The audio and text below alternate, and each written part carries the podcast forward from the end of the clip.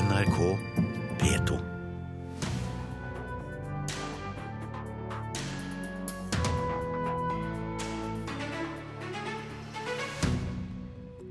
Kongens nei videre i Oscar-kampen. En utrolig lettelse, sier regissør Erik Poppe.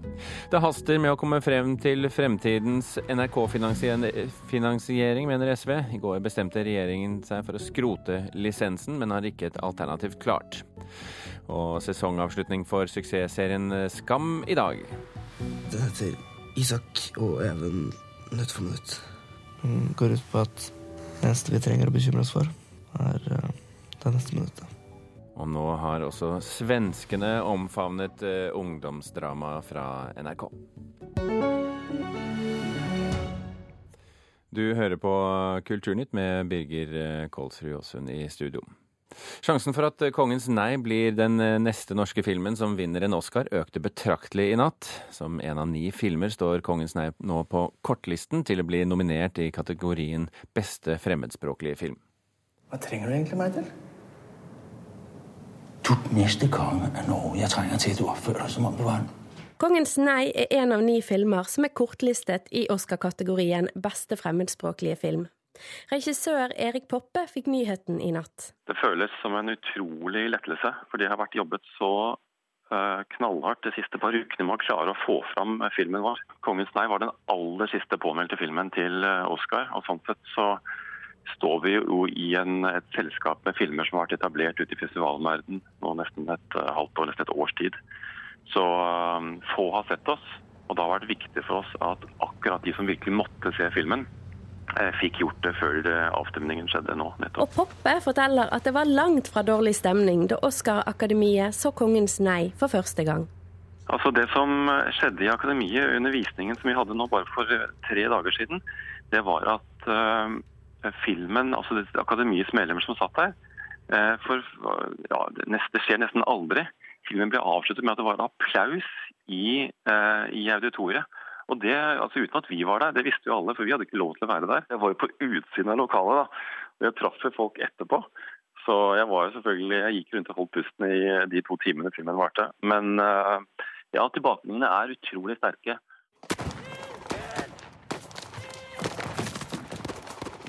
Så langt er Kongens nei sett av over 700 000 på kino i Norge. Og med det blir Kongens nei den klart mest sette filmen på norske kinoer i år. Regissøren mener at filmen òg har appell i utlandet. Det handler om en, handler om en leder, en som trer fram og blir en sterk lederskikkelse. Og Det er klart at det er noe som treffer folk i USA veldig. Dessuten så har på en måte filmen blitt den store overraskelsen, altså den som ingen hadde forutsett. Ingen kjente noe til. Så både med den applausen og med de reaksjonene vi nå fikk, så skjønner vi at uh, vi har en, uh, en, film som på mange måter er relevant for flere enn folk her hjemme i Norge. Og som sier noe mer universelt enn uh, sånn sett bare vår, den historien vi kjenner. Vi er nødt til å stå sammen. Vi er nødt til å støtte regjeringen. Det handler ikke om hva du personlig måtte ønske eller ikke.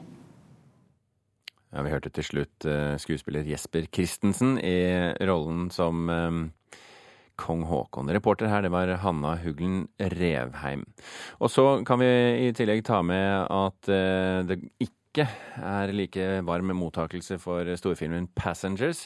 Altså denne filmen som regissør Morten Tyldum har laget. Et prestisjeprosjekt med et budsjett på over 1 milliard kroner, og med superstjerner som Jennifer Lawrence og Chris Pratt i hoved hovedrollene. De får nærmest unison slakt i internasjonale medier i dag. Entertainment Weekly skriver at de ikke finner noe interessant ved filmen, mens bransjebladet Variety kritiserer Tyldums egenskaper som regissør.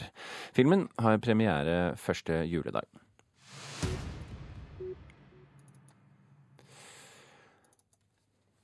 Stortinget må bli enige før sommeren om hvordan NRK skal finansieres i fremtiden. Det mener Bård Vegar Solhjell i SV. I går sa kulturministeren at hun vil skrote NRK-lisensen til fordel for en medieavgift. Men innretningen på avgiften, altså hvordan pengene skal kreves inn fra folk, det vil hun ha ytterligere utredet. De modellene som utreder dette nå, mener jeg ikke innfrir de kravene. Derfor så peker vi på en ny modell, der den sosiale innretninga er helt avgjørende. Mange regna med at kulturminister Linda Hofstad Helleland skulle komme med et forslag til ny NRK-finansiering før jul.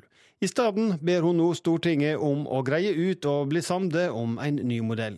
Grunnen er at Helleland mener ekspertutvalget som kom med en tilråding tidligere i år, bl.a. ikke svarte på ønsket om en sosial profil i finansieringa. De har eh, valgt å ikke se på en modell som i tilstrekkelig grad ivaretar den sosiale innretninga.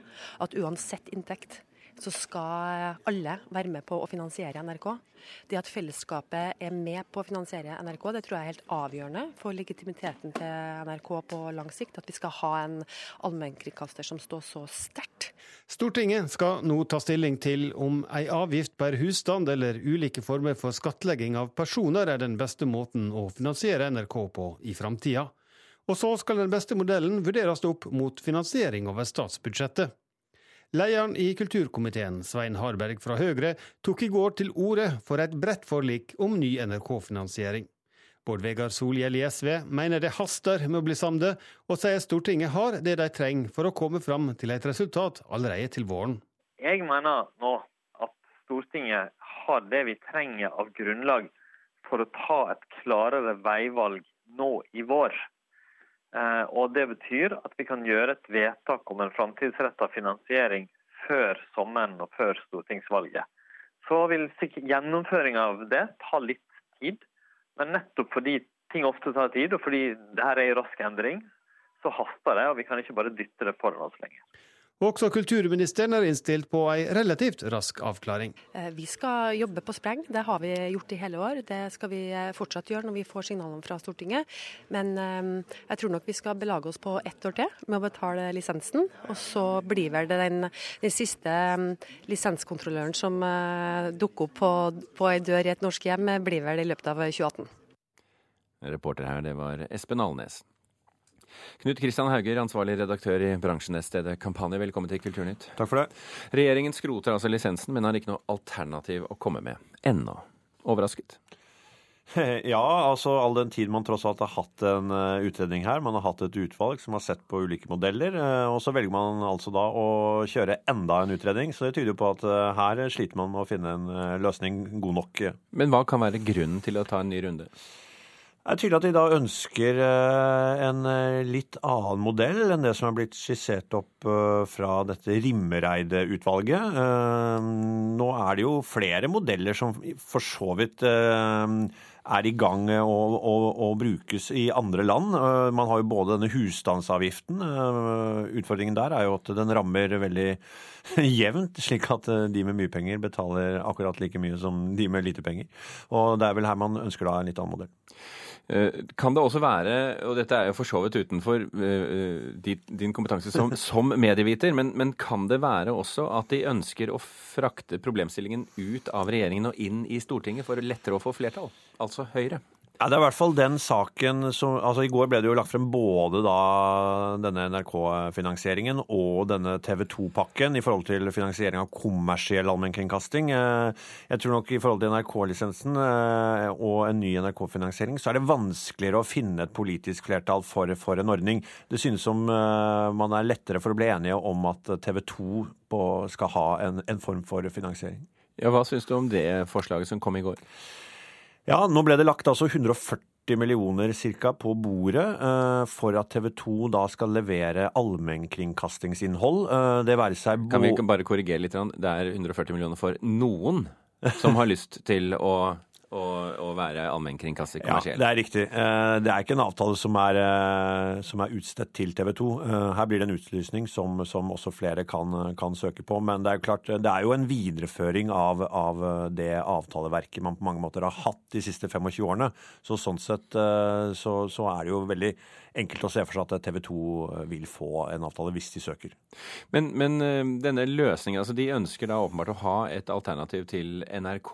De legger på bordet en Eh, for at, eh, som en slags kompensasjon da, for, for eh, påførte utgifter. Er det en god løsning, syns du?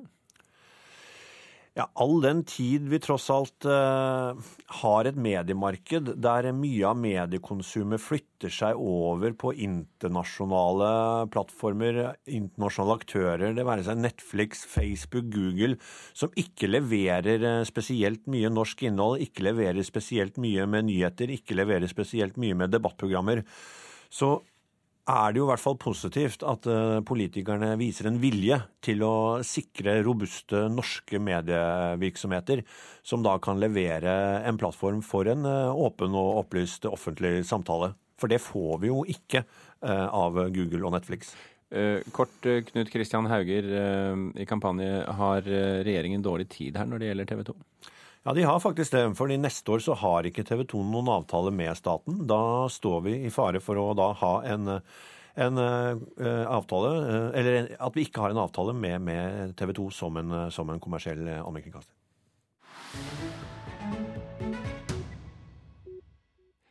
I dag slippes siste klipp i sesong tre av NRKs suksessserie Skam. Denne høsten har serien fått stor internasjonal oppmerksomhet, særlig i Danmark, og konseptet har sågar blitt solgt til USA senest. Nå har også våre nærmeste naboer i øst omfavnet ungdomsdrama. Nå dere vi en lek. Den heter Isak og Even nødt for minutt. Den går ut på at det eneste vi trenger å bekymre oss for, er eh, det neste minuttet. I sesong tre har handlinga i Skam dreid seg rundt hovedpersonen Isak. Og mange lurer nok på hvordan det kommer til å gå med han og kjæresten Even i det siste klippet som kommer i dag. Det gjør de også i Sverige, hvor serien har blitt enormt populær. Konkurrensen om de unge titterne er stenhård, men Skam er dramaserien som har fått tenåringer i hele Norden å lære seg norskt ungdomslingo. Men nu ska vi tala om den omåttligt populära tv-serien Skam. Succéserien Skam. Den norske suksess-tv-serien Skam nådde SVT Play idag. Skam har nå kommet på Sveriges Televisjon sin nettspiller. Og i tillegg var nesten 200 000 unike svenske brukere innom NRK P3 sine nettsider forrige uke. Ei firedobling på bare de siste tre ukene. På SVT Play er det bare én serie som er mer populær enn Skam. Julekalenderen er den mest populære programmet online noensinne i Sverige. Og deretter så kommer Skam. Det sier Safa Safiari, som er kanalsjef for barn- og ungdomsinnhold i SVT. Så Det er litt vanskelig å si eksakte tall, men det finnes jo ingen man prater med her i Sverige som ikke kjenner til eller sett Skam. Ifølge en undersøking analysebyrået Retriever har gjort for NRK, er det faktisk mer aktivitet på sosiale medier om Skam i Sverige og Danmark enn i Norge. Så populær har serien faktisk blitt at SVT måtte legge ut sesong to før de hadde planlagt. Og vi hadde jo tenkt å sende sesong to ett avsnitt per uke, eh, og sende det i januar.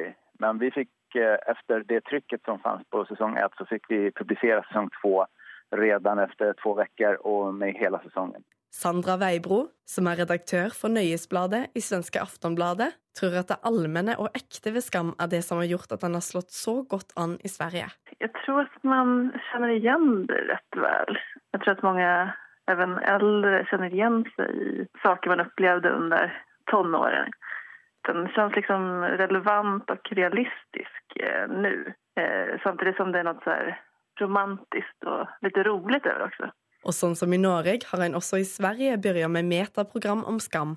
Podkaster, TV-panel og blogger. Det har startet flere podder her også redan. Safiari i SVT sier at Skam også brer seg ut i spaltene i dagsavisene om dagen. Det man leser jo, om man leser avisen, så er den resensert, og folk skriver krøniker om det. Og så det er virkelig noe som alle kjenner til her just nå. Han tror at Skam tilfører noe annet til TV-været i dag. Jeg tror at det er en sånn perfekt timing i at om du ser på liksom hva fiksjon oftest i dag handler om, så er det veldig mye eh, krim og det er veldig mye overnaturlige saker. Det her er jo riktig på riktig, og det tror jeg gjør det veldig unikt just nå. Så timingen er også veldig, veldig viktig. Og jeg tror at eh, det her er bare begynnelsen. Jeg tror at liksom, det her kommer bare fortsette eh, spride seg i landet. Reporter Ruth Einevold Nilsen hadde laget denne saken. Og i dag klokken 15, eh, altså klokken 3, på nrk.no og NRK Nyheter på Facebook, så kan du se bl.a. annet stylist Erlend Elias og Siggen fra P3 i et direktesendt Skampanel i anledning sesongens siste klipp. Klokken har passert 17 minutter over åtte. Du hører på Kulturnytt, og dette er toppsakene i Nyhetsmorgen nå. Våpenhvilen i Aleppo ser ut til å holde. Til nå er over 6000 personer evakuert. Norsk flyktningepolitikk kan bidra til nye flyktningstrømmer, mener NOAS. Og nå kan det bli forbudt for selgere å ringe folk som har reservert seg mot telefonsalg. Fredagspanelet er vaglet, eh, og på sin pinne i Kristiansand sitter Karen Kristine Blågestad, kulturredaktør i Federlandsvennen. Her i studio, Sef Wesenberg, fotograf, og Marie Simonsen, kommentator i Dagbladet. Velkommen alle sammen. Tusen takk. God kveld. Du hører oss godt i Kristiansand, eh, Karen Kristine? Jeg hører dere kjempegodt. Da går vi løs på første spørsmål. Tanken om typiske jenteinstrumenter og gutteinstrumenter viser seg fortsatt å være i live ved landets kulturskoler. Ifølge tall fra de største kulturskolene er ni av ti fløyteelever jenter, mens ni av ti slagverkelever er gutter. Musikernes Fellesorganisasjon mener dette er noe man må gjøre noe med. Men spørsmålet vårt i panelet i dag, og vi kan begynne i Kristiansand, er det så nøye? Nei. Ja. La oss kjønnskvotere alt. OK, Karen Kristine. Nei, dette syns jeg ikke er noe stort problem. Og det å gjøre noe med det syns jeg kan fort bli litt som å tvinge gutter til å leke med dokker istedenfor å leke med biler. Og det er noen uh, forskjeller på kjønnene, og det skal vi akseptere og heller synes er litt OK, enn å gjøre politikk ut av alt. Men nå sa du litt to ting. Hvordan da? Vil du, eh, syns du, syns du man, Er det så nøye om man gjør noe med det? Forst- Misforsto jeg deg kanskje? Ja, nei, jeg syns ikke det er noe eh, problem. at Du det syns ikke det er noe problem? Nei, det syns jeg ikke er noe problem. Eh, eh, da må vi til Simonsen. Ja, altså Jeg mener jo ikke det er noe problem, men jeg syns det er så fryktelig gammeldags å tenke at man skal ha disse begrensningene på, på folk. Og det handler jo om kultur og tradisjoner og alt mulig sånn. At man sier at nei, gutter får ikke lov til å gå i rosa, for det er liksom sånn og sånn. Eh, og det er det samme med instrumenter. Jeg husker jeg faktisk, eh, og jeg begynner jo å trekke litt på åra, så det er en stund siden. Eh, jeg spilte faktisk trombone. Det var veldig kvinnelig eller Du var tidlig i kjønnsmoden, du da, kanskje? Ja, det var det. Ja, altså, det- Har det noe med det å gjøre? Ja, selvfølgelig har det noe med det å gjøre. fordi at eh, De som setter seg bakerst, er jo de store gutta med de mørke stemmene.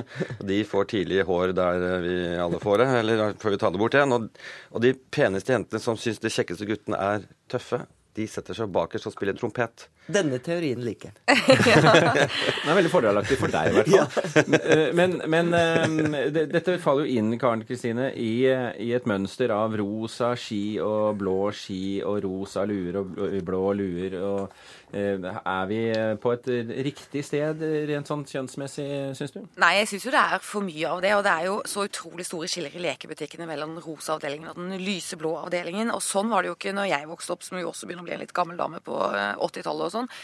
Så det er jo en pendel som svinger litt, og akkurat nå så er vi et sted hvor vi dyrker litt disse forskjellene, og så vil kanskje pendelen svinge litt, og så vil vi være et sted hvor vi prøver å bli litt likere igjen. Men jeg syns ikke det er noe problem, og jeg syns det er litt farlig å lage liksom politikk av eh, slike ting, da, av lek og moro underholdning og utfoldelse.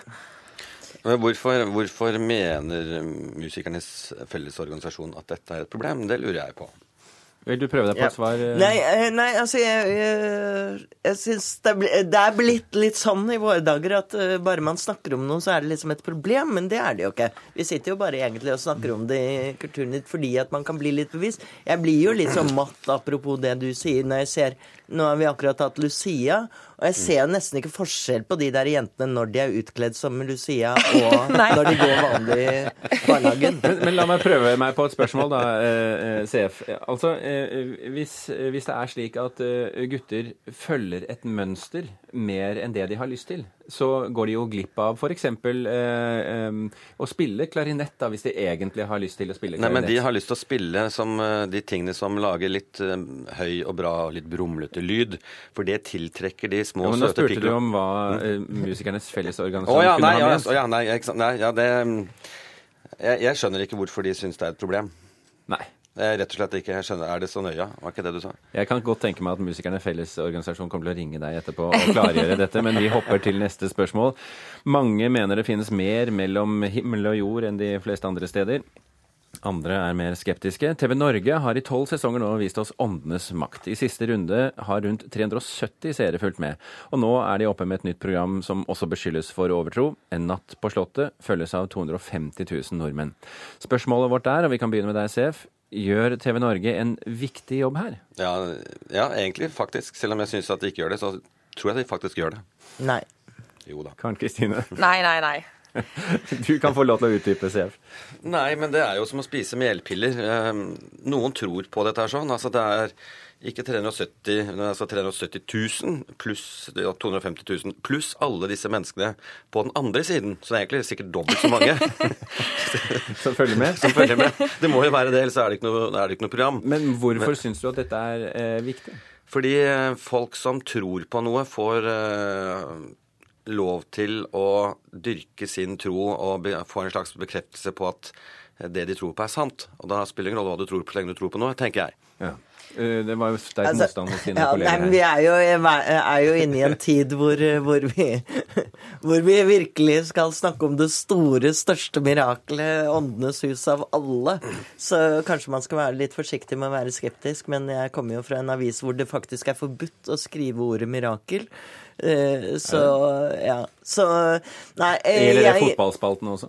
ja, ikke sant? Selv når man scorer mål på overtid, Ja, okay. eller Norges landslag scorer mål i det hele tatt, Det så er er et det kalle det det er et mirakel at dere har fått til å, å Nei, ikke- ikke- sensurere det ordet. Ikke gå av, ikke gå av linjen men, her. men, men, men problemet syns jeg er litt når man legitimerer dette her. Jeg syns man skal behandle det som det tullet det er, og, og lage litt sånn musikk rundt og sånn. Men når Christian Borg stiller opp, og alle liksom Og kanskje er det noe i det. mene det Ja, eh, det- Unnskyld meg, men jeg hører at Karen Kristine rekker opp hånden. Ja, veldig. Kjempehøyt.